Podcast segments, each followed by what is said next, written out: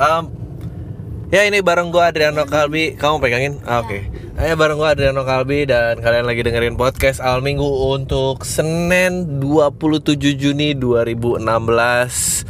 Uh, udah tengah tahun, cie. Gua I don't know, gua untuk kali ini gue kehilangan topik untuk ap- apa ya uh, bahasa basinya harus segini aja nggak apa bahasa bahasa basinya gue nggak tahu harus ngomongin apa ngomongin puasa juga ya udah akhir minggu. Oh by the way gue tadi baru nonton kayak um, ah nggak tahu lah salah satu acara TV yang yang yang yang ngundang orang-orang yang cukup susah untuk main kuis mau dikasih duit.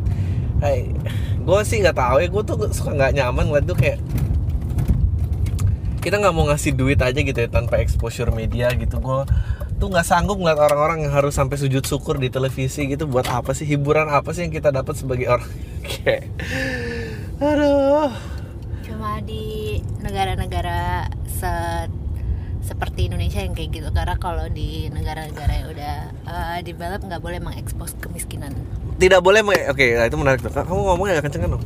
Tidak Emang boleh. nggak bagus alat rekamnya? Bagus bagus. Cuma maksudnya suara aku dari aku kecil. ngomong segini oh kecil. oke. Nggak boleh mengekspos kemungkinan. Nah, itu, itu kemiskinan. Kenapa itu kira-kira? Hah?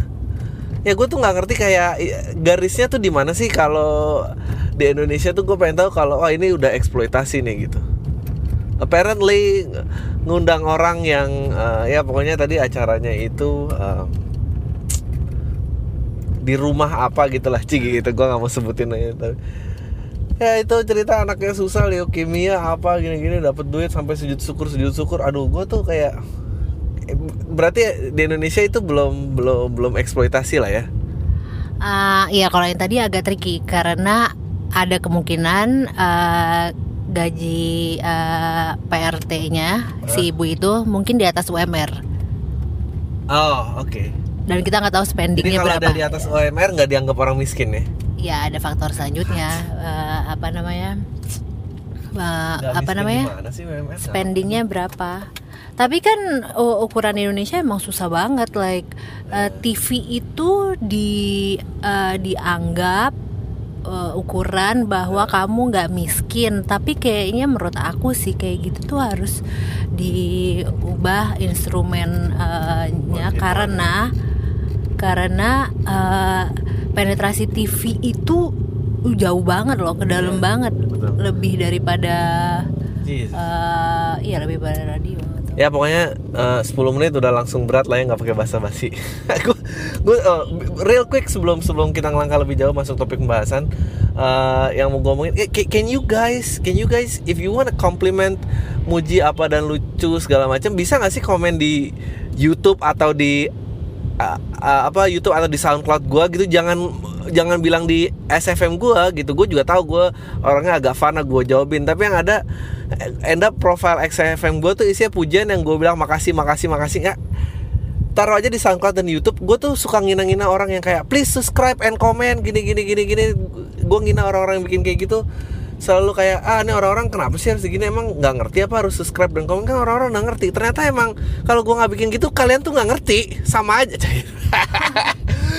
lo tuh gue udah ngata-ngatain orang ternyata lu juga sama aja naruh di SFM bikin malu aja taruhlah di SoundCloud dan di YouTube ini kan eh Kamu yang lebih publik ih enggak maksudnya yang kelihatan. SFM juga publik Oh. tapi tapi dia menaruh komplimen dan komen tuh di di di, di tempat yang nggak nggak seharusnya gitu sekarang gue jadi ngerti Oh. kenapa youtuber youtuber dan vlogger itu selalu bilang please subscribe and comment di bawah ini gitu karena kalau kalian nggak dibilangin tuh ngawur ngawur ternyata Ah, we're just a bunch of lazy people aja. Eh, nggak tahu lah Em, itu itu satu kedua eh Belok kanan. nggak kita mau ke Gunawarman kan Iya. Oh, terus. Nah sekarang orang jadi tahu nih di internet kita mau ke mana Tahu gak sih kamu orang-orang pada penasaran muka kamu kayak apa? Ngapain ya? Gak tahu.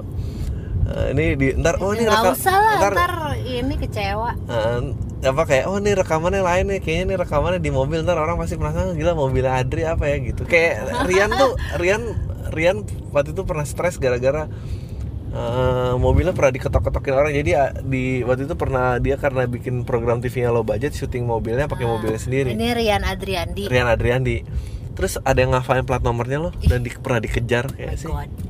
ya intinya mobil gue sih Ya udah kamu nggak usah nggak usah sih. Usah. yang nggak di yang nggak ditempelin stiker happy family lah Em, kelasnya di situ Ci gitu Eh, Makanya mainnya ke Gunawarman ya. Ini- ntar ada yang connect dedat nih di internet kayak Adri tuh naik ini Gunawan suka ngomong bahasa Inggris bla bla bla. Salah ini salah pergaulan aja kita. Ini rumah temen kita di Gunawarman. Itu saatnya mau gomin kedua eh, Palembang be ready gua akan ke sana tanggal em, tanggal 23 Juli. 23 Juli open gate jam 4 gua akan mainin set gua yang di Jakarta 21 Mei kemarin. So tiket harganya 50.000 ribu. Untuk sera- kapasitas 150 orang saja kontaknya ya. Li, Libi 0811 710 9192 0811 710 9192 Ah, Iya. gue happy banget karena kayaknya eh, ini show gue pertama di Sumatera. So semoga lancar semoga eh, nanti pada saat kejadian semuanya mendukung lah. I hope to see you guys there. Udah itu that's it. That's it. Oke kita kan mau masuk topik Kamu bahasan ya. Apa jangan so keren ya kalau di Palembang. Enggak, Maksudnya enggak, aku aku, mau kamu foto di jembatan yang merah itu. eh aku mau. You know how much I love bridges, right? Eh, oke Jadi harus ada foto sama jembatan. Minta Foto- anterin. oke Ya oke. Em, ya nih kamu baca nih ada dua Senang email sekali dua ya, aku aja yang buka email Fikri sama Libi kamu bacain itu bahas hal yang sama Libby. Ah, Bang pengen dengar pendapat lo tentang Inggris yang keluar dari Uni Eropa. ah, Uh, terus Fikri. Fikri. ya Bang langsung aja sekali-sekali email yang pendek aja biar nggak diomelin Bang Brexit Brexit itu apaan sih? England keluar dari Eu- European Union terus kenapa bisa heboh? Udah baca berita dalam maupun luar negeri tapi masih nggak mudeng. Bisa jelaskan secara komedik ala Adriano Calvi nggak? Secara komedik Bi? secara komedik lagi. Ah gue nggak tahu deh. Terus sama ah, pokoknya ada juga di SFM gue yang yang minta pendapat eh, gue tentang keluarnya UK dari em, dari Uni Eropa ya. Eh ya karena banyak ini gue gue berusaha mencoba bahas dan mumpung karena eh, lagi mau ditemenin istri gue karena kalau gue doang gue nggak nggak ngerti gitu. Jadi eh, gimana nih pendapatnya? Jadi kenapa kena, ka- tapi kalian pertama tahu kan bedanya UK sama Inggris tuh apa? Ya gitu. Jadi eh, kalau UK itu eh, Ireland. I- Ireland Scottish Scotland eh ya oke Ireland, Scotland, eh, sama Inggris dan Wales ya. Eh, ya Wales kan. ya Eh, and then kalau Great Britain itu, hmm, Great Britain kalau nggak salah nggak ada Air nggak ada Ireland atau nggak ada Scotland. Gue lupa deh. Either or pokoknya kurang satu. Jadi UK berempat sama Inggris. Eh Ireland itu ya gitulah. And then Inggris ya Inggris sendiri. Nah jadi mereka eh, administrasi pemerintahannya di baw- bawah satu stamp gitu, which is UK. Nah UK nih keluar dari Uni Eropa gitu. Mungkin eh, buat orang yang gue juga sebetulnya nggak gitu tahu gitu. Gue kira eh, apa eh, UK itu bukan bagian dari Uni Eropa karena dia tidak menggunakan mata uang euro. no Nggak nggak gitu. Coba kamu bukan jelasin gitu. gitu Karena Eh, what makes UK part of euro gitu aja dulu deh. Ya karena mereka eh, secara hukum mau eh, masuk Uni Eropa waktu itu, tapi mereka nggak pakai eh, euro, mereka pakai pound sterling karena ya mereka anggota EU European Union, tapi mereka bukan eurozone gitu. Oke. Apakah semua Schengen itu Oh enggak, Uni you don't- tapi kamu nggak bisa Schengen ngelihat sih? dari situ sih. Schengen tuh eh, sistem visa. Oh gitu sistem visa itu beda lagi ya. Tapi ada bagian dari Schengen yang eh, Uni Eropa gitu. Schengen tuh kayak Iceland tuh nggak Schengen. Ya Norway Ah, apa gitu buat Denmark. Nor- Nor-. Norway Schengen, Iceland ya nggak Schengen. Oke anyway. Ini Kita banyak Norway Schengen nggak ya? informasi Lupa yang nggak relevan deh. Emang enggak, bukan dari abu apa sih? Ini nanya Brexit apaan Ya, atau Brexit efeknya tuh- apaan? Brexit, ex- hashtag hashtag Brexit itu adalah eh, Brexit tuh uh, Britain exit. Britain exit, exit gitu dan Hmm, eh, Jadi di efeknya tuh apa? Brexit? Coba.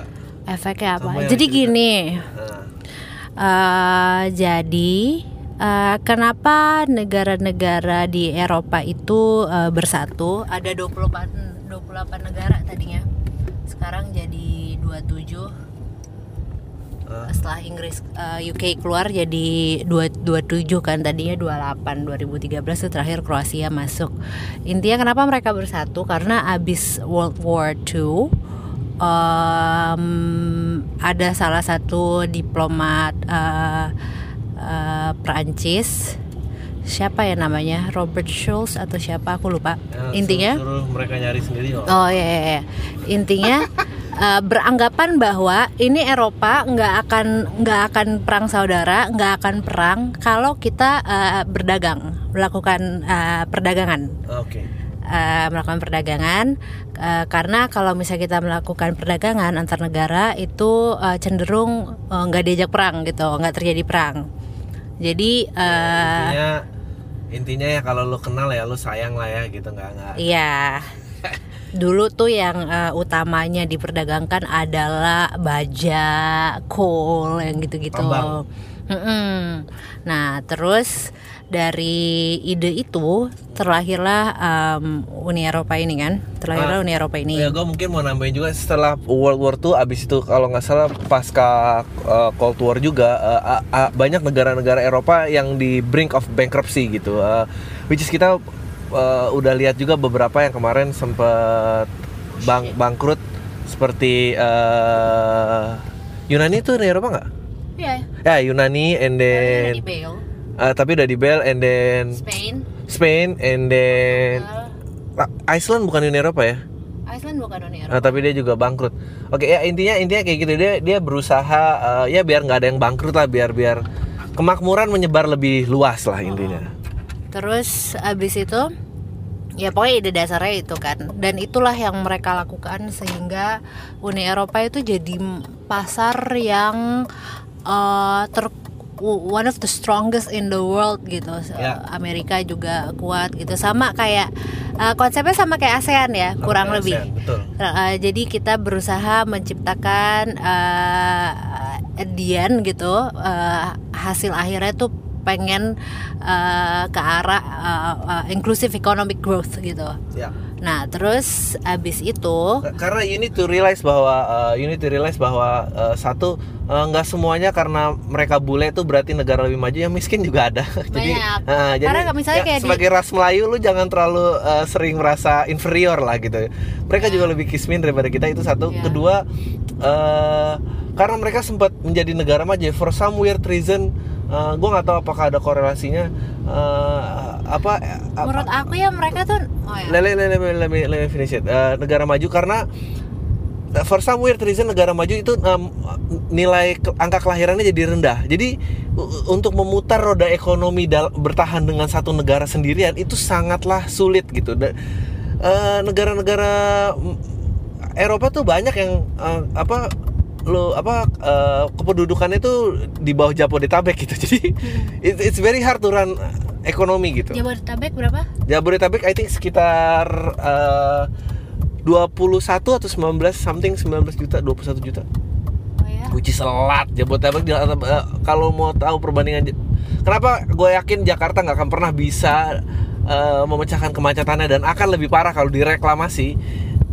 karena Australia aja cuma 24 juta if I'm not mistaken. Satu berdua. satu the whole continent satu benua. Dan lo kebayang eh, anjing gimana caranya eh, mengelola negara kalau eh, neg- apa eh, penduduk lo di bawah sekian cuma berapa puluh juta pekerja lo berapa yang masih kecil berapa terus yang beli siapa gitu kan bingung lama-lama bangkrut dong negara ya oke and then you were saying?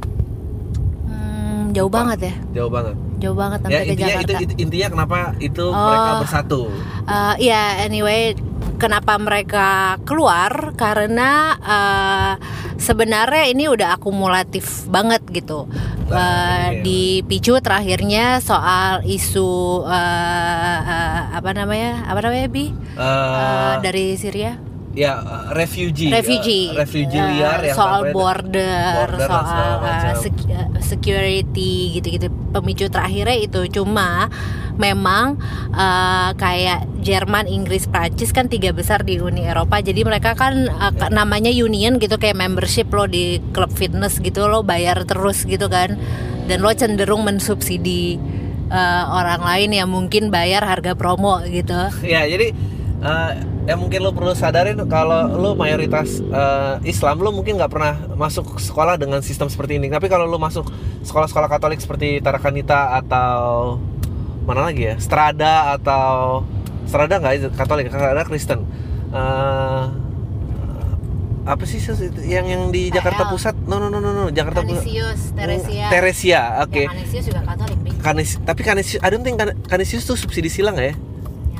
Ya. Oke, intinya adalah the way they keep this around adalah eh, mereka melakukan subsidi silang. Jadi di, di sekolah-sekolah itu juga gitu. Kalau penghasilan lu di atas sekian, uang sekolah lu tuh lebih gede dibanding eh, siswa-siswa yang orang tuanya penghasilannya di bawah lo gitu. Dan dan dia meratakan itu semua. Nah, di Eropa si yang pengkatrol eh, itu adalah si tiga orang tadi gitu. Jerman, Prancis dan Ya. eh, UK. Jerman gitu. yang paling besar. Jerman tuh. yang paling besar. Eh, nah, cuma- sisanya tuh di katrol semua tuh. Lu bayangin aja tadi ada berapa negara? 20 Dua sekarang 27. dua, sekarang 27 berarti 28.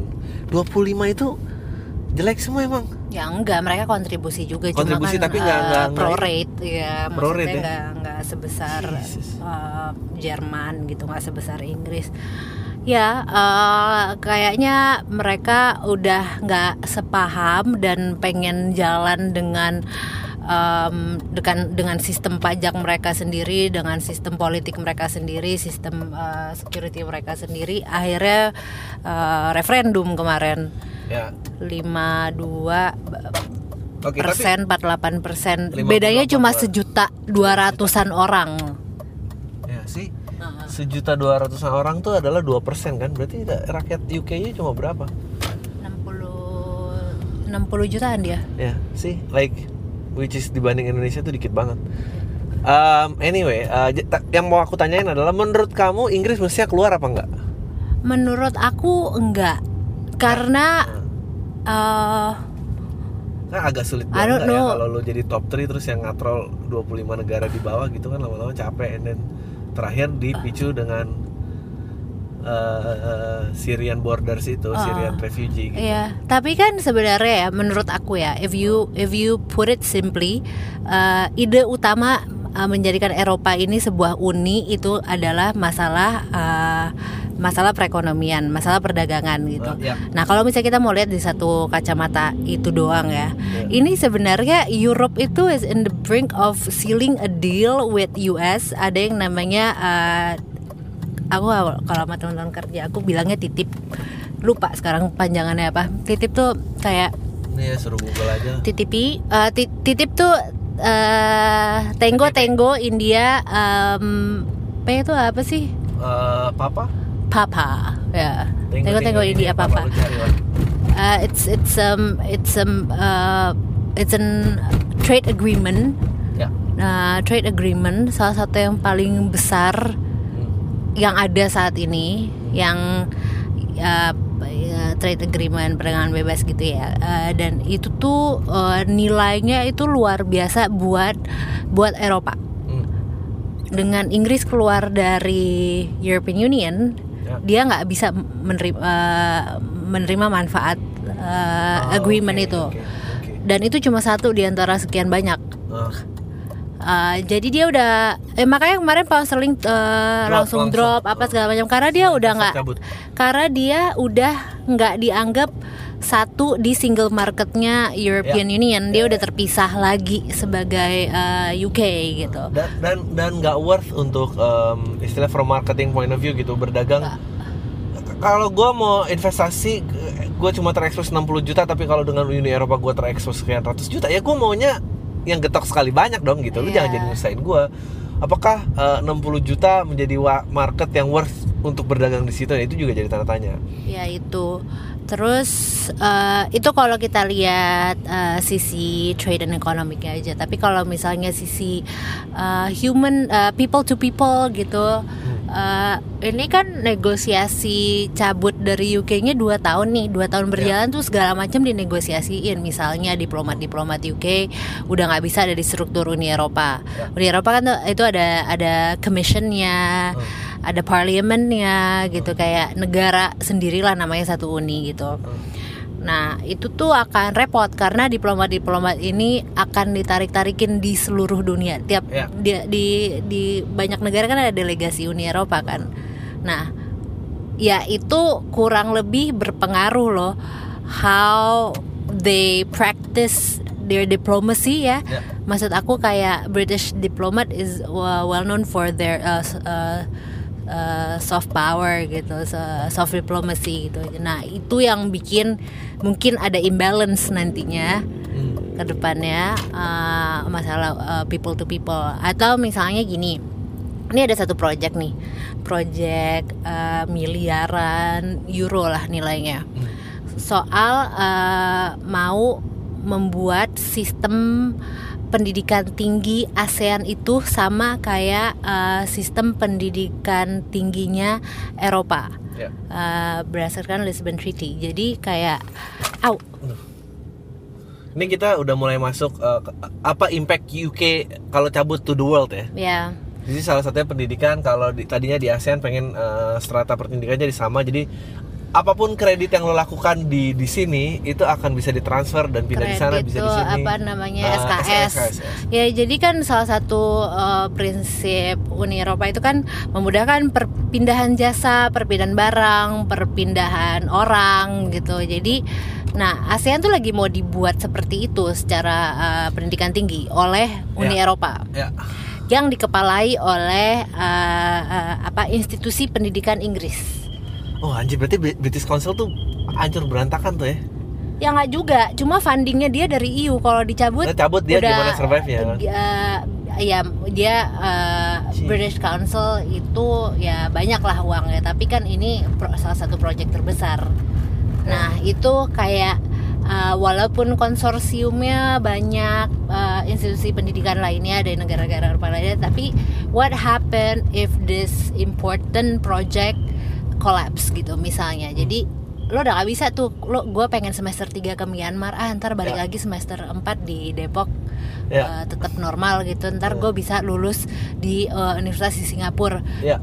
you will you you may have that maybe in the next years tapi kayak kalau misalnya ada project ini sebenarnya itu mempercepat loh Ya. cuma kan lo nggak tahu nih akhirnya gimana nih satu project aja ini dua tahun ke depan urusannya gimana nih sama antara UK sama EU nya Um, dan ya gitu this is only a one example gitu Ya, it's it's it's very weird like kenapa mereka memutuskan untuk cabut gitu. Se- tapi gue juga ya kita udah tadi dengar beberapa impactnya ke dunia, apalagi sistem pendidikan, terus perdagangan dan segala macam. Um, tahun 2013 sebetulnya eh, Scotland juga mau referendum dari UK gitu, tapi votingnya nggak nggak tembus gitu. gue nggak tahu sih what to gain eh, pada saat lo em, apa pengen bertahan sendirian di di, di kemajuan zaman yang seperti ini gitu. Ya, eh, be- beda beda kasus Papua mau cabut dari Indonesia. Gue harus ngaitin ini sih karena gue eh ya mungkin lu udah dengar beberapa yang kayak ya mungkin emang Inggris nggak pernah anggap Eropa. Ya, ini bukan cuma masalah harga diri dan segala macam, tapi tidak ada pelanggaran apa pun gitu yang yang yang mengakibatkan em, kecuali kayak Papua Papua emang ya resourcesnya udah dimanfaatkan berpuluh-puluh tahun ah, banyak kejahatan ham yang terjadi di sana tidak ada keadilannya gue sih agak sedih kalau mereka sampai cabut. Karena gue yakin belum tentu eh, nasibnya akan jadi lebih baik itu satu kedua tapi tinggal juga anjing siapa yang mau benerin hubungannya siapa yang ini sementara nggak ada di di di di eh, berita sedikit pun. Lo kalau mau aduh ntar gue mungkin gue sering deh kayak nge-retweet eh, accountnya mereka gitu um, saja ya sedih aja gitu tapi which is UK ini nggak kayak gitu oke ini yang pengen aku pengen tanya adalah eh, kemarin aku nemuin ini which is menarik banget tanggapan Poll, kamu poll. po pollnya adalah eh, Yang, eh, kamu buka picture 50 dong tahun ke atas lebih banyak yang Iya. keluar. ya d- jadi di, vote yang yang setuju keluar eh, i- itu kebanyakan eh, 50% lebih itu di di di vote oleh eh, orang-orang yang usianya 55 tahun ke atas 50 dan 55 tahun ke atas bahkan menurut kamu ya ini kan kita ngomongin demokrasi nih aku sih udah nggak believe dengan de- demokrasi ya. Karena demokrasi em, mau kamu gimana pun bentuknya it's always gonna be a popularity contest. Jadi kalau ada orang yang mau nyalon jadi presiden bilang gua akan memperjuangkan per- kasus-kasus ham yang belum pernah terbuka itu not necessarily dia eh, pengen memperjuangkan kasus ham tapi dia pengen nge-grab suara orang-orang yang punya concern di ham gitu loh nah eh ya itu itu, itu cacatnya demokrasi kan di situ nah sekarang nih aku pengen nanya sama kamu menurut kamu orang yang usianya di atas 50 tahun tuh nilai vote-nya harus sama nggak sama orang di bawah 50 tahun? Enggak. Menurut kamu idealnya orang oke 17 ke atas sampai umur berapa? Sampai 50 sih. 50 habis 50 tuh ke ya? atas Nggak, pun, Nggak bo- nggak, boleh ada decide eh, kepentingan negara dia mau ngapain ya karena they're not gonna be in it. Iya, benar. Tapi kalau kayak gitu tuh keputusannya gimana ya? Karena misalnya eh, eh, apa namanya? Menurut aku harus- harapan hidup harapan hidup di Indonesia berapa sih? 70, 60. Ya. Eh, misalnya sorry. Eh, yang live itu 50 sampai 64 49 persen. Dari live 65 plus 58 persen. 65 plus decide buat pergi gitu. Eh, tapi live, eh, harapan hidupnya ber- life expectancy-nya mereka adalah taruhannya eh, um, berapa? 89 Nah iya, sebenarnya agak susah Eh, Oke, justifikasinya. oke berarti kalau mau berarti yang kira-kira life expectancy-nya di atas eh, di bawah 20 tahun udah nggak boleh vote gitu ya. Ya, Itu adil ya. Tergantung life expectancy di beberapa negara gitu ya. ya. Kecuali ekspektasinya belum mencapai 60 tahun. Nah, itu semua masih boleh ngevote lah. Tapi kalau udah 65 kayaknya Hmm. menurut kamu ya sama ini. Ini kemarin juga diangkat ang, gue kemarin siapa ya nge-tweet Apa?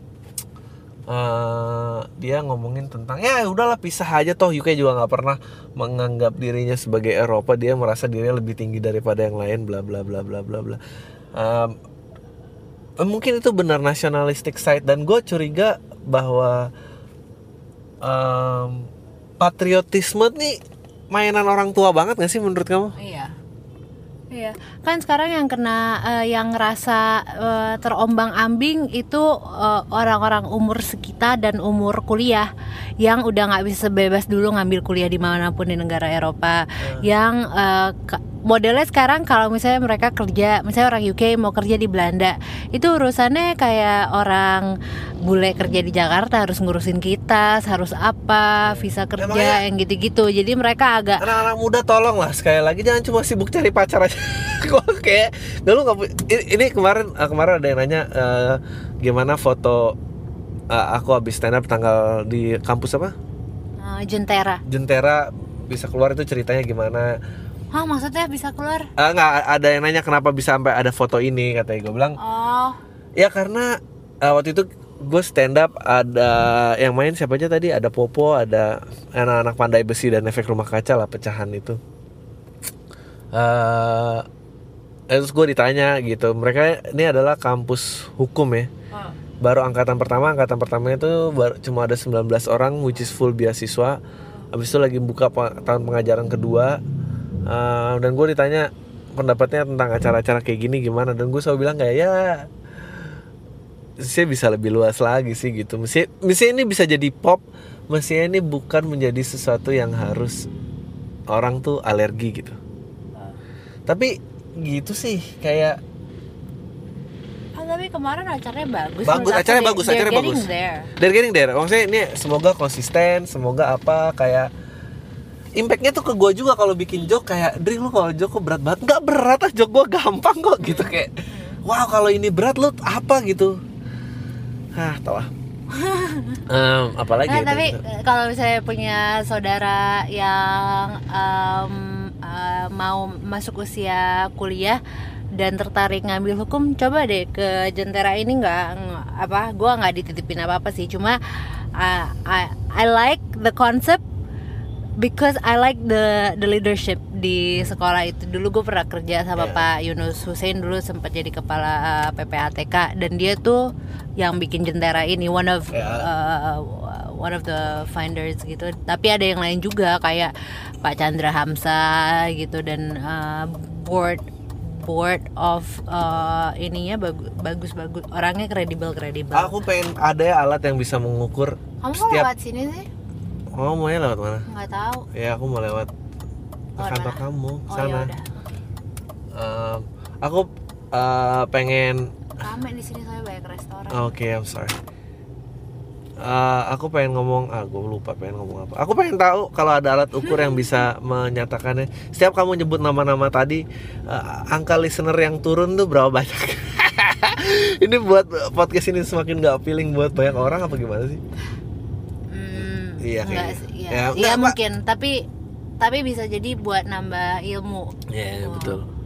Eh, Well, I don't care. ya enggak, tapi tapi eh, ya that's I think that's what happened. eh, kesimpulan dari UK keluar ini dan eh, that, I think that's what happened kalau lo meninggalkan eh, masa depan ya gue sok-sok memberi pendidikan ya Sebenarnya? nasib negara atau oh, gini terhadap orang-orang tua sih Iya, iya. eh eh, ya lu makan deh gue sih gue jujur sakit hati karena eh, yang tadi katanya calon independen Jakarta tuh eh, kayaknya akan gabung dengan Golkar ya gitu which is heartbreaking banget gitu kan. Ya gimana sih? One- sa- satu hal dia udah salah dia nggak jadi independen. Itu udah lu nggak boleh lu jangan kayak gitulah gitu Eh, apa istilahnya eh, apa pegangan tangan mau dicium mau diajak pacaran oh gak gitu kan tai banget gitu. Atau atau kayak gini yang kamu tau kan yang apa? Oh, kita harus putus sih kenapa soalnya beda agama. Ya udah deh nggak apa putus beda agama. Pas tahu pacaran baru anjing beda juga agamanya kan tai gitu kan. Ah, kan lu udah tahu gitu.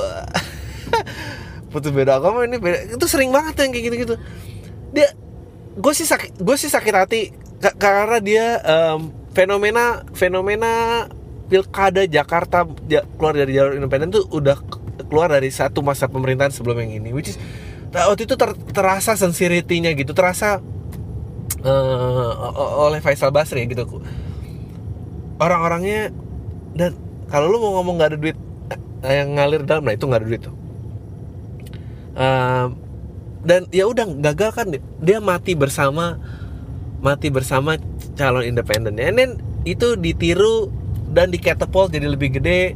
Eh, tuh ada desas-desus uang apa nggak uang eh itu gue terserah deh gue nggak ngerti putusan hukumnya. Tapi dia akhirnya nggak mau independen. Oke lah nggak independen. Oke lah and lembaga juga ya kita juga nggak eh, alergi sama partai. Ah juga lu ya lu mesti marah dong. Kan lu katanya putus karena beda agama dia yang pacar. Oh beda agama lagi dong. Terus udah dari eh, kalau lu putus karena beda agama ya pilihlah dia yang agamanya sama gitu. Dari sekian banyak partai yang bisa dia pilih kok dia pilih Golkar gitu? Itu yang kayak aduh gue nih bakal dicari orang gak ya kayak gini? Ya janganlah baru kawin. udah. Ya kira-kira kayak gitu eh, I think ya kalau ada pesan dari semua ini ya anak-anak muda lah gimana lah mikirin nasibnya tuh. Lu lihat tuh iya, tapi Papua mau cabut Hmm. lu mau kasih cabut apa nggak cabut gitu dia udah mau referendum aku- banget dia mencari dukungan eh, negara-negara Asia aku setuju Pasifik sama kamu. I mean, I don't think you should be overreacting. ya nggak perlu Reacted soal Brexit karena nggak ada ngaruhnya sama lo asli Ah, nggak ada nggak- ngaruhnya nggak ada ngaruhnya. nggak ada ngaruhnya sama sekali iya ya, terus tapi kan gitulah hobinya. Ya hobinya semua selalu gitu. Ya makanya pengen ikut yang seru aja kan. Tuh nggak ada nggak ada ngaruhnya kok. Lo tuh kalau misalnya ada isu-isu internasional tuh pertama cek statement Bu Retno gitu. Dia bilang nggak ada hubungannya uh, UK cabut sama bantuan ya, Bu Retno UK siapa? di- Bu Retno Uh, men lu Oke, ya ya itu maksud aku. Oh, ya. Aku ngomong Bu Retno kayak ngomong tetangga Bu Retno gitu mana tahu Retno siapa gitu. iya gitu ya. Ya maksud aku ya nggak usah inilah banyak uh, interior issues yang lebih penting ya. daripada Brexit. Brexit ya sama They lah. yang yang ribut Brexit tuh yang yang ribut orang Indonesia yang ribut Donald Trump nggak mau jadi presiden sama aja gitu kayak anjing tolol banget sih gitu. Nggak uh, ya. padahal mah nggak apa-apa. Heeh, gitu. Toh eh, menurut gue eh, ekonomi dan perdagangan di Indonesia peraturannya udah bener gitu. Anyone anything yang mau datang dari luar negeri itu harus 60%, I think 60 apa 40%. 40% kalau nggak salah, 40 sampai 60% harus di manufacture dalam eh, dalam negeri gitu. Jadi eh, ya emang udah nggak ada gitu. I think national being nationalistic gitu it's a thing of a past gitu kayaknya mungkin ya. Safe to say. Um, so yeah, that's that. Ya itu eh, sekian lah dari Brexit dari kita. Eh, nanti ini lagi nyupir disambung aja di rumah untuk ngebacain email-email yang lain. So hope hope you can see what it is gitu eh, permasalahannya apa dan kenapa dan gimana gitu tahu. Ya, kita sambung lagi. ya. Ah, bye. Oh, ngapain baik gitu ntar agak Ya ini em, langsung masuk email ya Aduh gue tuh apa sih yang dicari dengan bikin podcast gini? Udah gitu baik banget lagi semua email dibacain. Em, Oke dari Rizky Bang gue kan tahu basic lu tuh di advertising. Nah gue mau nanya pendapat lu tentang iklan sabun mandi detol Gue sih ngakak ngeliatnya. Jadi di situ ada sekeluarga gitu si emak dan si anak. Jadi di situ digambarkan si anak lagi main badminton atau tenis. terus dia juara gitu bangga dong anaknya. Dia baik dan nyamperin emaknya nah kalau udah habis olahraga kan pasti dekil dan keringatan terus dia bilang intinya eh, dia menang. Eh tanya si Maya bilang cool sih tapi kan nggak cool kalau bawa badan. Gue ngakak kalau iklan itu mungkin karena orang biasa aja tapi gue yakin kalau lihat iklannya lu ngakak juga. Oke gue akan lihat iklannya. Dikirim dari Yahoo Mail di Android. Em, iya karena ya itulah pretensi-pretensi dan gue tuh sebetulnya bukan benci iklan. Gue nggak pernah benci gue nggak pernah benci suatu bentuk apa pun. Gue kayak iklan atau film atau apa pun gue tuh cuma masalah kalau kayak lo tadi kenapa lo geli gitu? Karena insightnya nggak kayak gitu kan gitu.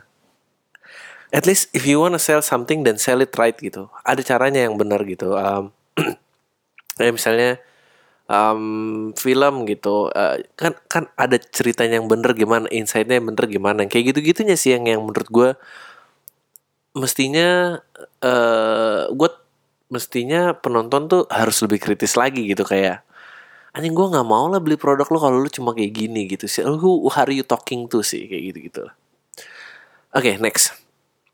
Dari Agung. Halo Bang Andri, gue telah dengerin Pam yang tertarik sama beberapa minggu lalu waktu lu sama Cefrina bahas kewarganegaraan. Lu cerita pengalaman pernah tinggal di luar negeri dan kesannya nggak nyaman hidup di luar sana. Sedangkan Cefrina rela tinggal di Inggris sekalipun dengan menjual kewarganegaraannya Gue sempet pause dan ulang kalimat Kalau ada yang mau beli kewarganegaraan gue mau gue jual. Di situ gue penasaran kenapa ya ada orang ngomong kepikiran ngomong kayak gitu ya? Lu juga pasti tahu bang kalau kewarganegaraan agama ras itu sesuatu yang kita dapat gratis dari lahir. Tapi lu juga nggak pernah nemu kan ada orang yang nggak punya duit terus ngejual agamanya atau orang kulit putih ngejual kulitnya ke kulit hitam biar kulit hitam ini bisa naik level dalam hal ras. Oh sebetulnya ada. Em, dengan sistem kasta yang sangat sudah parah di India dan segala macam eh, banyak orang-orang yang akhirnya bangkrut karena dia dari kasta yang lebih tinggi. Dia rela eh lo kalau mau naik kasta lo kawin nih sama gue. Mau nggak lo? Dan dan sistem itu udah berlangsung banyak banget eh, dan dimanfaatin sampai akhirnya em, perdana menteri kalau nggak salah. India tuh perdana menteri atau presiden sih? Eh, pokoknya itulah. Em, pokoknya dia berkelit bilang bahwa ada dalil-dalil agama yang mendukung bahwa lo juga bisa mengubah nasib kasta lo melalui pendidikan kalau lo mau. Abis itu baru tuh berubah semua rakyatnya. So kalau lo tanya kayak gitu, eh, sebetulnya banyak yang berpikiran seperti itu. Terus em, kalaupun ada toh nggak se ekstrim kayak di sini jual beli ras kayak ada non pribumi ras A dia lebih bisa terima kerja bang A cuma karena dia rasnya A oh ya itu ada banget dan menurut gue itu antara curang banget atau nggak adil banget kayak ada yang lahir di keluarga pemeluk agama A agama mayoritas dia pribumi dan nggak peduli mapan atau kere terus dia bikin aturan diskriminatif yang mengatur semua orang eh, nggak terkecuali buat beda agama atau yang non pribumi. Em, menurut lo presiden lo bisa di luar Islam dan di luar Jawa? um, akhirnya setelah Cefrina ngomong gitu lo nanggepin antara mau jadi nasionalis atau bukan dan lo termasuk yang nasionalis. Oke, ini gue sebutnya nggak nasionalis, ntar gue jelasin. Gue sebenernya geli nulis ini bang, bukan karena apa-apa, bukan karena bukan apa-apa karena lo memutuskan jadi nasionalis. Menurut gue sama halnya dengan Cefrina yang mau jual keluarga negaranya demi tinggal di Inggris. Kayak menyetujui kalimat hidup itu pilihan. Lah gimana sih wong kita lahir di Indonesia di keluarga pemeluk A dan terpaksa harus beragama A dengan ras A? Pada dasarnya ketemu uh, dasarnya kebetulan semua. Kita nggak pernah benar-benar milih kok. Oke di situ ntar gue ceritain kita hanya terpaksa memilih dari pilihan yang dipilihin. Terus cuma karena masalah pengakuan lu memutuskan untuk berbeda untuk mau berbeda negara. Konyol sih menurut gua.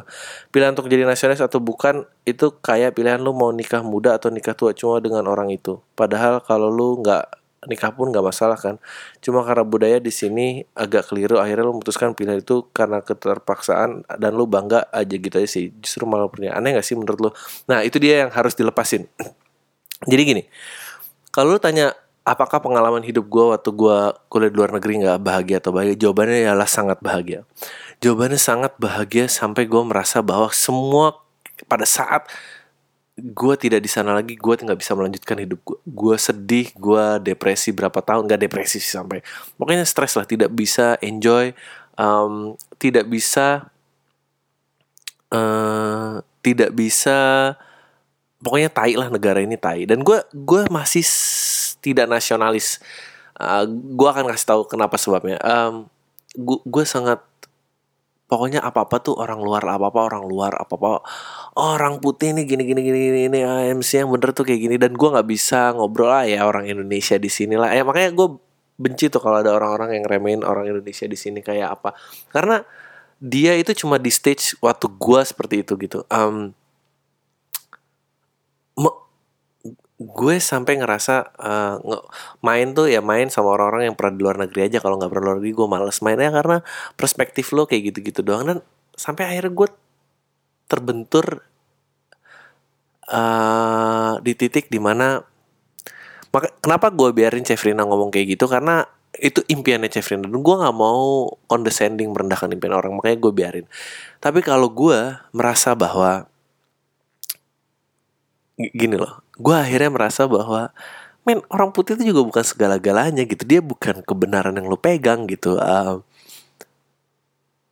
apa namanya gue belajar dalam hidup ini there's nothing yang nggak ada lagi yang seperti ini tau gak lo istilahnya? Pada saat lo meraih sesuatu hidup tuh ngambil dua dari lo. Kayak it's never ending uh, perdebatan. Gue selalu ngerasa gitu ya dengan universe gue jadi kalau gue tuh kenapa gue bilang waktu itu gue nggak mau identitas terakhir gue adalah nasional itu gue beneran memilih. Karena kalau gue mau keluar negeri gue bisa. Gue mau jual gue mau ganti warga negara gue gue ada kemungkinan itu. Sampai ternyata semua tuh sama aja.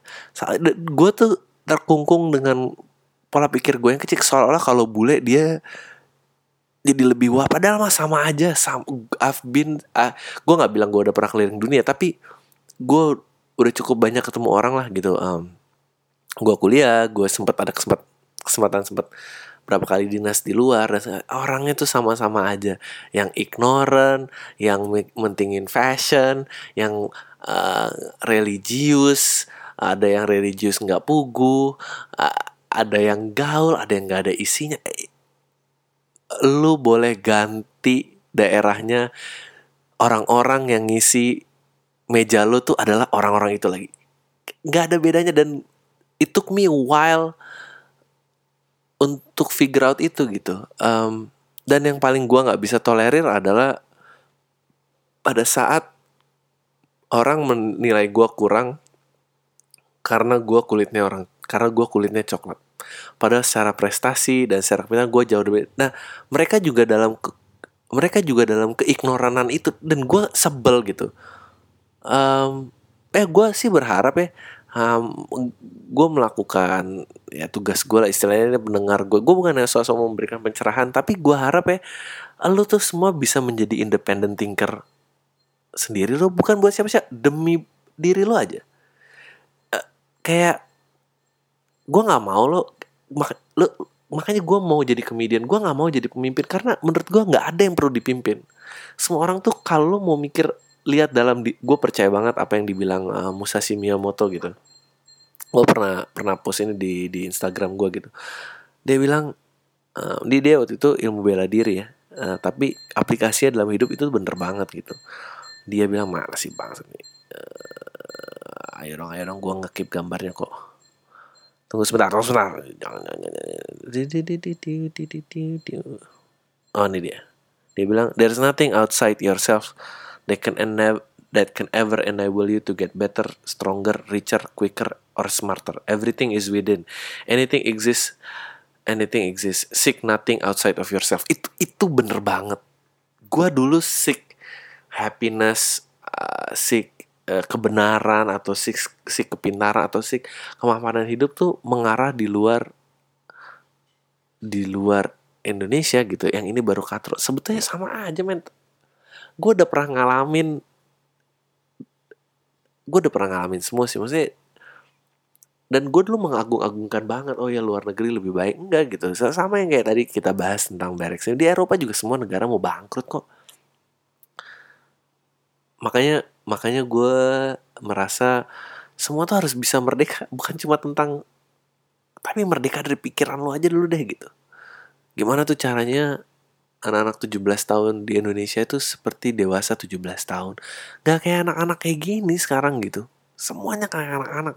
Raffi Ahmad udah kawin juga kayak gitu. Kayak maksud gue gak bisa gitu. Uh, jadilah a man gitu yang manusia utuh yang bisa menentukan nasibnya buat lo diri lo sendiri. Pada saat lo bisa melakukan itu, di mana pun lo semuanya tuh sama aja, sama aja. Atau ah, gue so keren kalau kayak gini. Um, ya semoga itu ngejawab pertanyaan lo. Jadi um, pada saat itu ya kalau emang Jeffrey Limpen itu ya nggak masalah. Tapi kalau gue gue sih udah enggak dan gue nggak nasionalis sekarang lama kalau emang negara ini perang sih ya gue cabut. Tapi gue gue intinya gue udah nggak mau mengagung-agungkan soal oh kebahagiaan dan kemapanan tuh ada di luar sana. Ya enggak di sini juga bisa kok sama aja. Orang-orangnya itu tuh juga kok. Eh, tapi itu menurut gue. Hal tarik oh enggak tapi beda. Atas selalu uh, intinya ya gitu. Merdeka tanpa syarat aja lah di pikiran lo gimana caranya. Oke. okay, uh, nama dan email gue nggak usah disebut. Jadi gue suka punya teman sebut aja G. Yang suka mengasut teman-teman gue lain supaya nggak suka sama gue ceritanya gue akhirnya jadian sama orang yang si G taksir. Sebut aja sama pacar gue ini si Kak. Dan si G ini udah naksir sama Kak udah tiga bulan sebelum gue jadian sama Kak. G sering curhat sama gue kalau dia suka sama Kak G juga sering nanya gimana cara dia ngedeketin Kak. Ya gue sih kasih saran aja bla bla bla gitu bang. Waktu itu sih gue emang belum ada rasa juga sama si Kak. Anjing tai juga loh. Nah sampai suatu waktu si Kak curhat sama gue tentang masalah-masalahnya. Dan akhirnya gue sering intens ngobrol sama Kak. Dan voila gue jadian sama Kak. Si G nggak terima dia menghasut teman-teman gue untuk benci sama gue sampai teman-teman gue yang lain jadi terpengaruh padahal gue nggak pernah punya masalah sama teman-teman gue yang lain menurut lo orang kayak si G ini pada umur yang udah 25 gitu masih wajar nggak sih ngelakuin hal, hal kayak gitu? Menghasut orang-orang untuk membela opininya. Dia merasa menjadi korban PHP Sika dan korban ditikung teman kayak gue. Padahal menurut gue dia aja yang pecundang karya dia loser udah ya. Bang salam tay yang menurut gue sih ya ini sih fair fair aja ya. Menurut gue sih kalau lu sama si G itu nggak deket-deket amat ya nggak peduli saya tapi kalau lu sama G deket sih ya lu tai juga gitu menurut gua. Uh,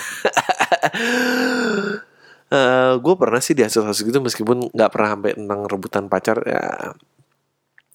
Tapi waktu itu gue pokoknya gue nggak ada apa-apa dan end up dengan tidak apa-apa juga nggak punya apa-apa. Uh, tapi dia tetap kayak gitu akhirnya gue pukul orangnya tapi kalau kayak gini ya gue nggak tahu ya. Kan menurut gue kalau lo udah dapetin ceweknya ya lo harus jadi lebih cool sih. Nggak usah ini biarin aja dia keluar-keluar. Oke. Okay. dari selamat tebal Bang, gue mau nanya dong, mulai kapan lu berani menyebut diri sebagai komedian dan lu pajang di media sosial? saya ada orang beberapa yang baru open mic sekali, dua kali udah nyebut dirinya komik. Teman-teman gue baru punya kamera, terus foto-foto pemandangan langsung pamer di medsos kalau dia fotografer. Menurut lu gimana bang? Sukses terus dan ditunggu digital downloadnya. Um, gue berani mulai nulis komedian itu setelah tiga tahun, empat tahun. Tapi menurut gue sih bebas-bebas aja. Kalau buat gue alasannya adalah gue rasa itu dia gue rasa itu gue itu aja sih kalau gue um, dan gue uh, would like to be known as comedian on top of anything else. Gua cuma pengen diketahui ini, gue harus terjemahin nih. Enggak nih. Ya, um, dan gua nggak pengen kayak you know kayak kelihatan insecure insecure gitu baru coba open mic gini-gini atau kayak uh, masih belajar lucu or technically funny or whatever fuck there is gue pengennya komedian that, that that's it gak usah ada embel-embel gak usah apa I'm just that. Udah kalau gue sih gitu. Um, buat orang-orang yang sering bikin kayak gitu nggak uh, tahu ya gue nggak peduli. Um, gue jarang sih mikirin orang kalau tentang berkomedi atau kayak look kalau gue sering mikirin orang ya gue nggak akan bikin gue nggak akan bikin podcast. Gue bikin vlog aja. Ya gak sih? Udah ketahuan lebih banyak. But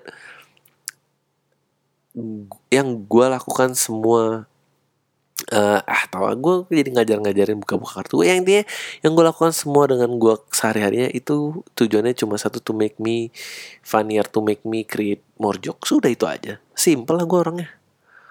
Uh, oke. Okay. dari um,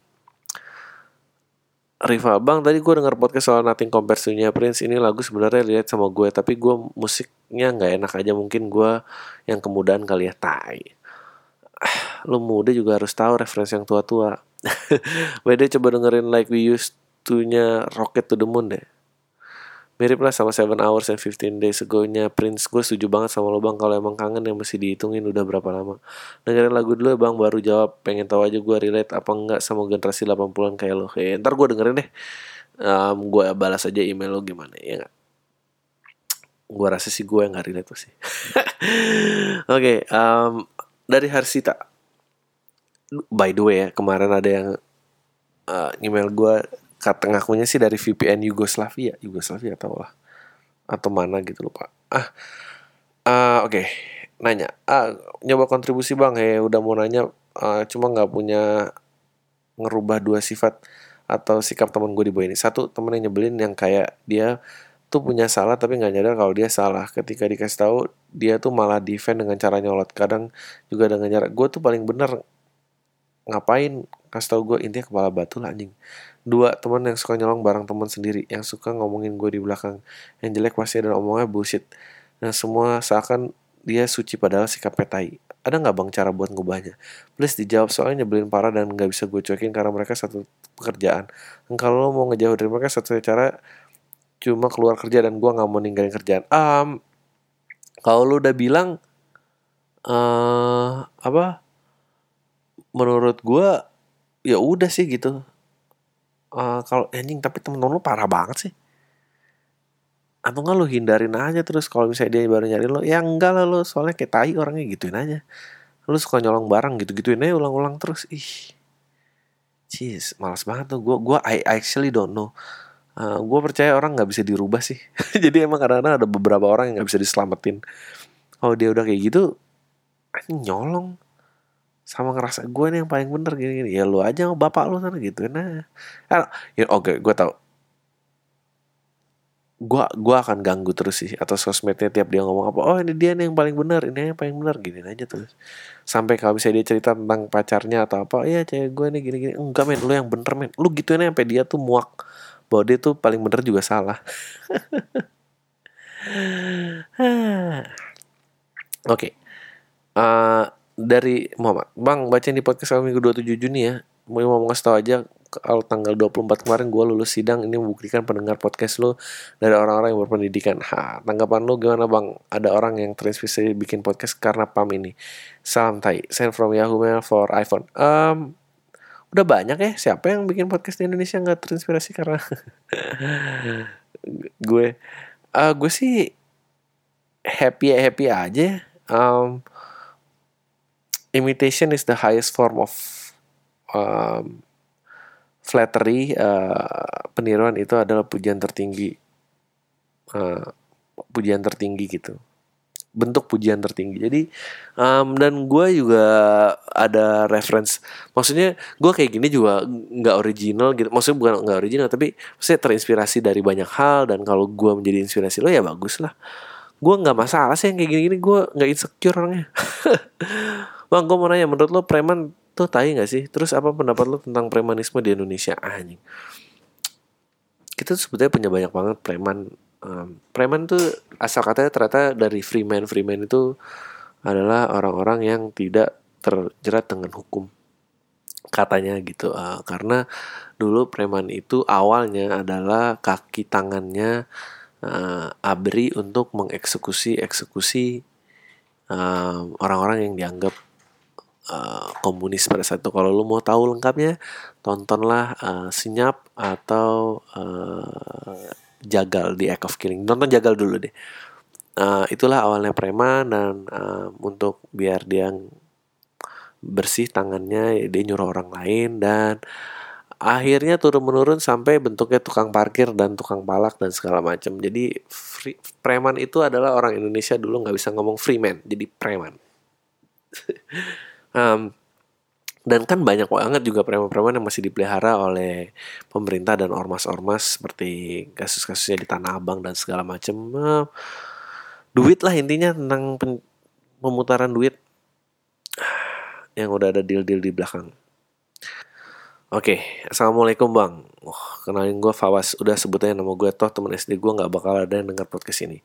Gue mau cerita sih bang. Sekarang uh, eh, gue lagi kuliah dan karena lagi musim bukber ya udah tuh teman-teman SD gue ngajakin bukber. Nah ada nih temen satu orang gue nih bang. Dia alumni pesantren gitu. Tapi dia juga ngajakin bukber tapi rada maksa bang sampai ngeluarin kata-kata kasar. Tahilah. Ini kesepian apa gimana sih? Padahal pesantren lebih dari enam tahun kalau nggak salah. Pengen live aja gue rasanya kalau chat juga semua orang so asik semua padahal nggak asik-asik amat dah santai ya udah live aja men gue eh gue bulan puasa ini rekor nggak diajakin pu buka puasa sama siapa sama siapa pun. Um, gue happy sih. Kayak juga orang-orang udah mulai sadar gue males. Ini ada orang yang nge-forward Hai podcast awal minggu kamu pasti suka menyukai Zalora. Ngirimin gue voucher 75 ribu. Udah ada aja nih. Ngapain sih? Oke. Bang, menurut tanggapan Adri, gimana sama festival Yulin di Cina? Pro atau kontra? Baca-baca berita sih, katanya anjingnya disiksa dulu, dimasukin ke kandang yang kecil, udah udah gitu diadu. Yang katanya semakin disiksa, maka dagingnya semakin enak. Gue ragu sih itu bener apa enggak. Setahu gue sih semakin stres hewan, makin aneh. Gue tahu itu salah satu budaya yang udah lama di Cina, tapi bukan itu kejam ya bang. Uh, itu aja bang dari gue. Uh, thanks, semoga sehat terus dan bisa ngepodcast terus men gue actually nggak punya pendapat apa apa sih tentang ya kalau dia mau makan anjing ya makan aja ya gitu. Gue juga bingung sih. Uh, apalagi di Cina lagi. Uh, gue sih gue sebetulnya lebih menentang penyembelihan di mata umum sih daripada makan hewan. Gue nggak tahu kayak gue gak tahu sih apa batasan yang boleh dimakan atau enggak I guess kalau lu aduh tapi gue nggak ngerti sih. Ya, ya gue lebih geli dari yang hidup terus mati sih. Selain ikan gue yang lain tuh uh, agak nggak kuat gue. Um, ya nggak tahu ya sadis ya sadis lah tapi juga ya gimana dong? Lu tinggal di negara yang uh, penduduknya 2 miliar gitu sepertiga penduduk bumi itu ada di Cina gitu. Ya mungkin dia butuh hiburan kali gue juga nggak ngerti. Kayak gue yakin itu susah gitu. Boro-boro ngomongin anjing gitu. Jadi orang aja sempit hidupnya di sana gimana? Susah pasti lu mau nyadarin itu ke mereka. Ya gitulah kira-kira. Tapi gue nggak nganjurin sih Oke, okay, ini susah nih tapi nih. Uh, dear Bang Adriano, uh, dia dari Izmi. Singkat aja Bang, mau tahu dong mitos-mitos dulu yang menurut lo masih relevan sama kehidupan sekarang atau seenggaknya buat lo jus tuh mitos justru mempengaruhi hidup lo atau karir lo. Uh, sih alasannya dong mau tahu nggak? Gue uh, mau tahu gue jawaban lo yang tetap membuat gue bilang iya enggak, ya juga ya, apa enggak? Thank you Bang Adriano. Uh, gue nggak tahu ya ini mitos apa bukan, tapi kayak nasihat-nasihat zaman dulu. Jangan pernah iri sama orang lain. Itu nggak pernah lebih applicable daripada di zaman yang sekarang. Dengan era sosmed dan semua orang berhubung seperti ini semakin penting lo cuma melihat ke dalam diri lo sendiri gitu. Um, itu yang semak yang masih mempengaruhi dalam hidup gue. Uh, apa ya? Sisanya sih uh, apalagi sih mitos-mitos gue nggak tahu gue nggak pernah percaya mitos-mitos apa ya? Mitos apa sih yang contohnya apa? Enggak yang applicable sekarang. Perawan nggak boleh dipilih di pintu. Aku juga gue juga nggak percaya mitos. Apa ya? Um, apaan yang gue nggak tahu men paling itu kali nasehat iri uh, mitosnya nih kalau ini ini, ini ah nggak tahu sorry men ntar gue pikir-pikir lagi deh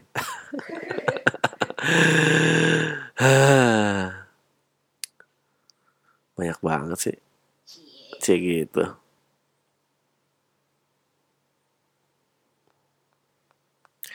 Oke. Bagaimana sikap Anda mengalami hal-hal yang berkaitan dengan oh. Menurut lo apakah masa muda berhenti di pernikahan? Jawab di podcast. Menurut gue iya. apakah masa muda berhenti di pernikahan? Menurut gue iya. Kalau lo gue nggak gue bukan yang mau so tau biar pernikahan langgeng atau gimana sih. Tapi kalau menurut gue lo masih pengen menjalani masa muda, jangan kawin sih.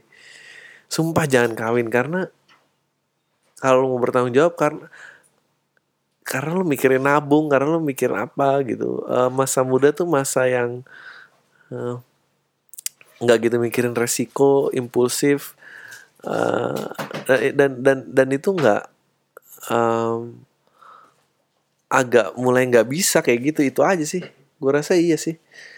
Uh, apa masa muda fashion ngikutin ini? Ya makin nggak ke kejar lah kalau udah kawin. Ah, masa muda gue hilang ke mana? Cik gitu. Party udah nggak bisa juga.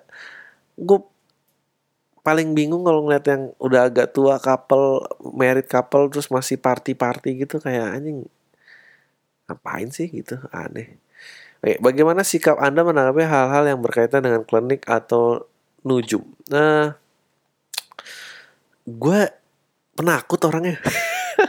gue apalagi kalau yang klinik-klinik gitu gue males sih uh, eh, gue nontonin sulap gitu ya David Blaine gitu gue kayak oh, gue rasa ada setannya pas ini. Sama saya ini pasti berjanji dengan jin apa tau nggak ngerti juga. Bang misal lo ojek pangkalan misal lo tukang ojek pangkalan sekarang lo bakal join gojek nggak? Eh uh, kalau gue jadi ojek pangkalan apakah gue akan join Gojek. Kalau gue tukang Gojek nih,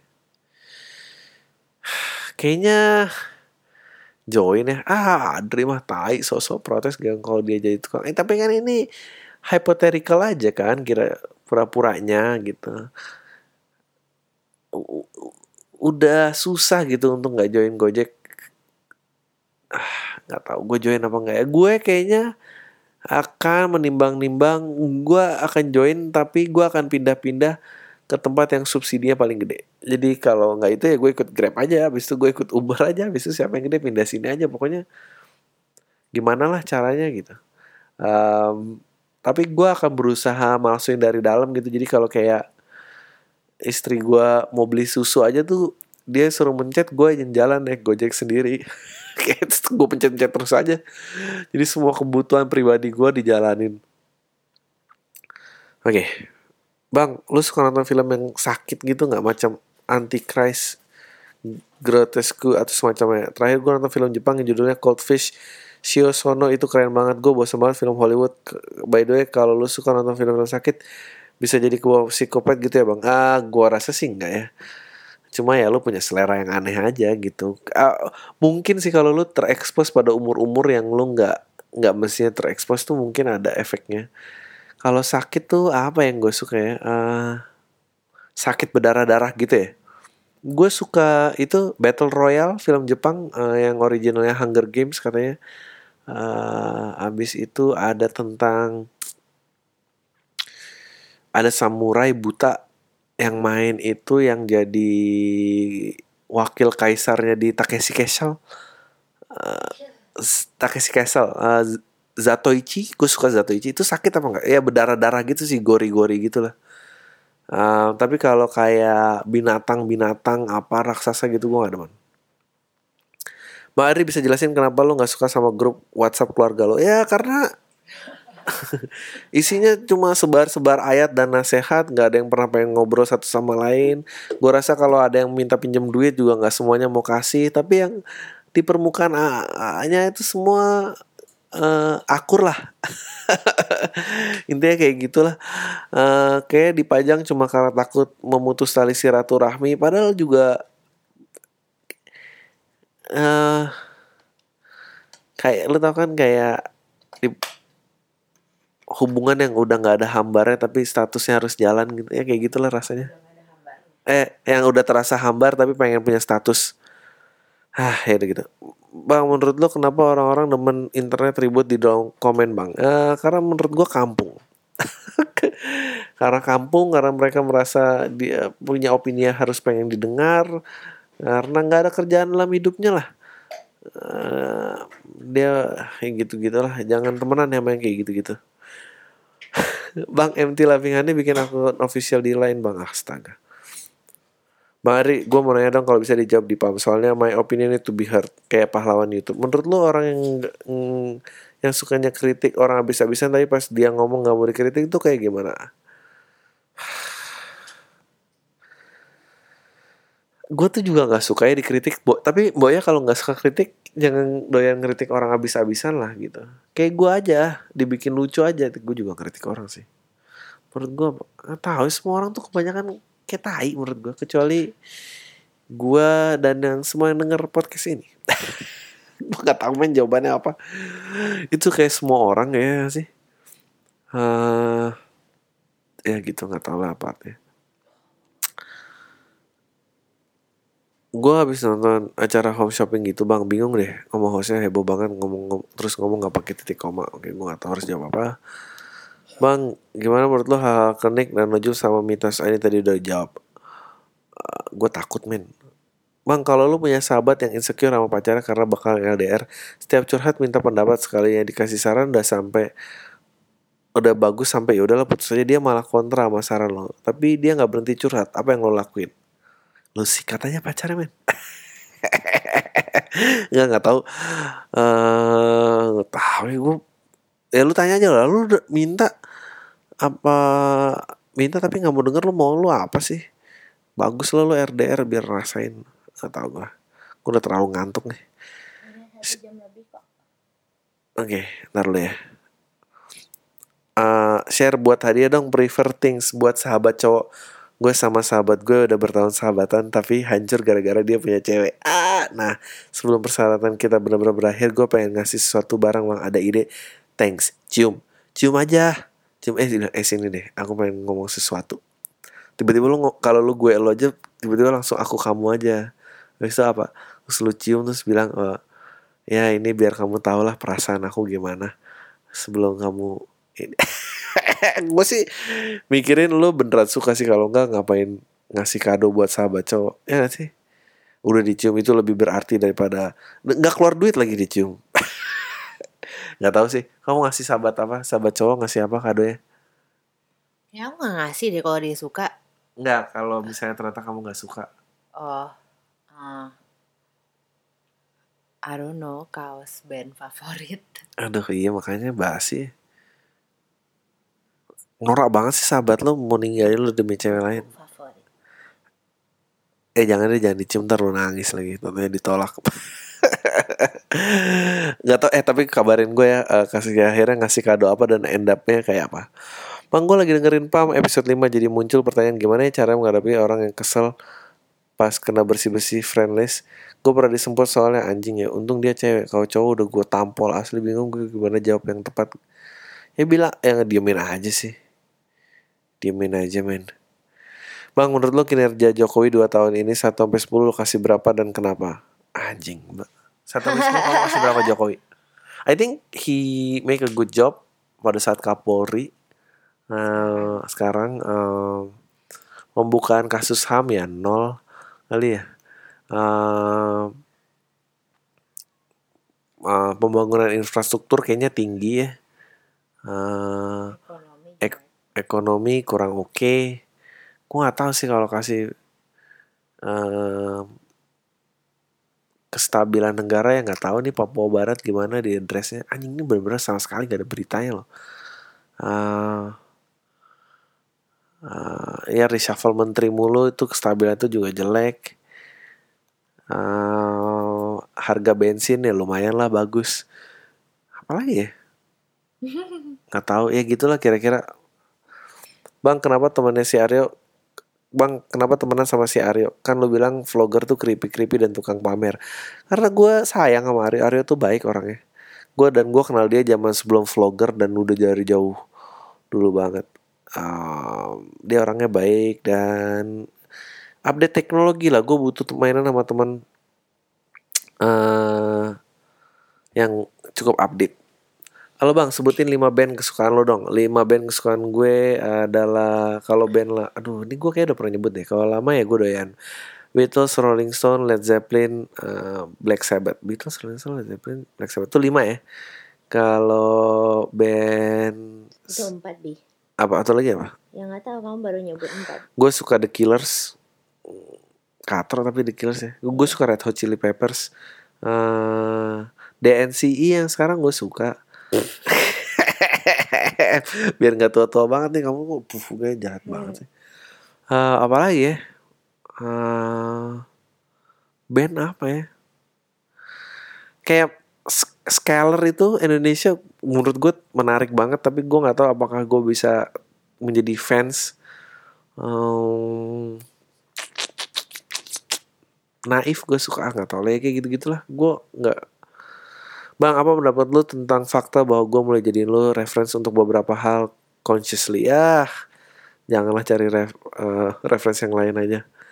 Oh ini nih, seru nih, ini harus dibahas nih. Oh ini nih, ini gue terakhir deh uh, bang flat earth tuh masuk akal apa enggak enggak orang gila. Bang saya nggak ngerti itu sama orang-orang yang bangga. Misalnya ada orang darah Indonesia ter terkenal di luar negeri gitu nggak bang? Sama gue juga nggak ngerti sama oh yang ini seagama loh ini ini katro nggak ada hubungannya. Ah uh, oke. Okay. bang kalau Arya sibuk sama istrinya juga. Uh. ngerti gue Oh ini seru Bang istri gue ke wartawan Whatsapp sama mantannya. Whatsappnya udah dihapus. Gue tanya detailnya tapi nggak dikasih tahu dalam kurung ya namanya juga selingkuh. Gue bingung harus gimana. Gue nanya nyokap gue selalu gue yang disalahin. Bilangnya udah nggak usah macam-macam pertahanin aja. Udah habis banyak biaya nikah sama lahiran. Udah habis banyak biaya nikah sama lahiran gue debat sama istri masalah kepercayaan. Dia selalu sindir masalah gue yang selalu keluar mancing. Nah hmm? lu seneng keluar mancing ikan beneran apa? Ya sih? Menurut ya habis dia bisa dua bisa iya. aja kan istrinya marah gara-gara iya. ya kamu juga Nggak, aku gimana nggak WhatsApp sama mantan aku kamu juga doyannya mancing ikan di empang kan bisa itu. Iya. Ini uh, mancing apa? Namanya gua... siapa nggak disebut ya? Nggak nggak. Oh nggak gue mau nanya. Daru, daru, oh. menurut lo gimana bang? Permasalahan ini di next level seperti kalau dulu enak tinggalin beres. Thanks bang. Men yang gue lu harus lakukan yang pertama adalah jangan cerita ke orang tua lo. Men lo udah kawin gitu ya selesai sama istri lo lah uh, ya lu tanya harus lu tanya istri lo kayak tapi lu harus ngomong sih lu udah ketangkep basah lu ngapain sih berkelit lagi? Gitu. Come on lah lu atau nggak lu bilang gini kisah lo kamu juga kenapa sih nggak mau cerita? Aku jelas-jelas udah tahu. Terus kamu di rencana besar kamu ini apa gitu setelah aku tahu uh, dua bulan kamu berharap aku lupa aja terus kita ngebesarin anak bareng aja terus ini dikubur sampai ya udah gitu aja gitu. Itu harapan kamu lu gituin aja. Masuk akal nggak itu menurut kamu gitu? Kayaknya dia akan pakai kata kamu kata-kata kamu persis deh. Iya emang nggak iya. apa-apa. Nggak tapi aku setuju sama pendekatan kedua. Oh. karena harus step back dulu kayak emang dia whatsappan isinya apa sih? Kalau ya itu yang nggak diceritain. Ah itu yang nggak diceritain. Oh. jadi ketahuan WhatsAppan tapi detailnya nggak dikasih tahu. Dan dia nggak mau cerita. Ketahuan? Ketahuan oh, WhatsAppan tapi nggak ketahuan. Oh ya udah I don't have any opinion. Aku setuju aja makanya iya kan? Udah kan? Kamu kamu ngarepnya apa? Aku udah lihat kenapa kamu nggak mau ceritain? Gituin aja. Gituin aja. Terus kamu berharapnya apa nih? Berharapnya aku lupa gitu. Kalau dia bilang ya aku pengen kamu lupain aja. Ya lu udah gila gitu. Kayaknya gitu deh. Man I feel so sorry ya. Semoga things work out um, ya udahlah ya itu aja. Uh, thank you semua. Tai lo. Eh apa sih? Ya tai lo semua. Deh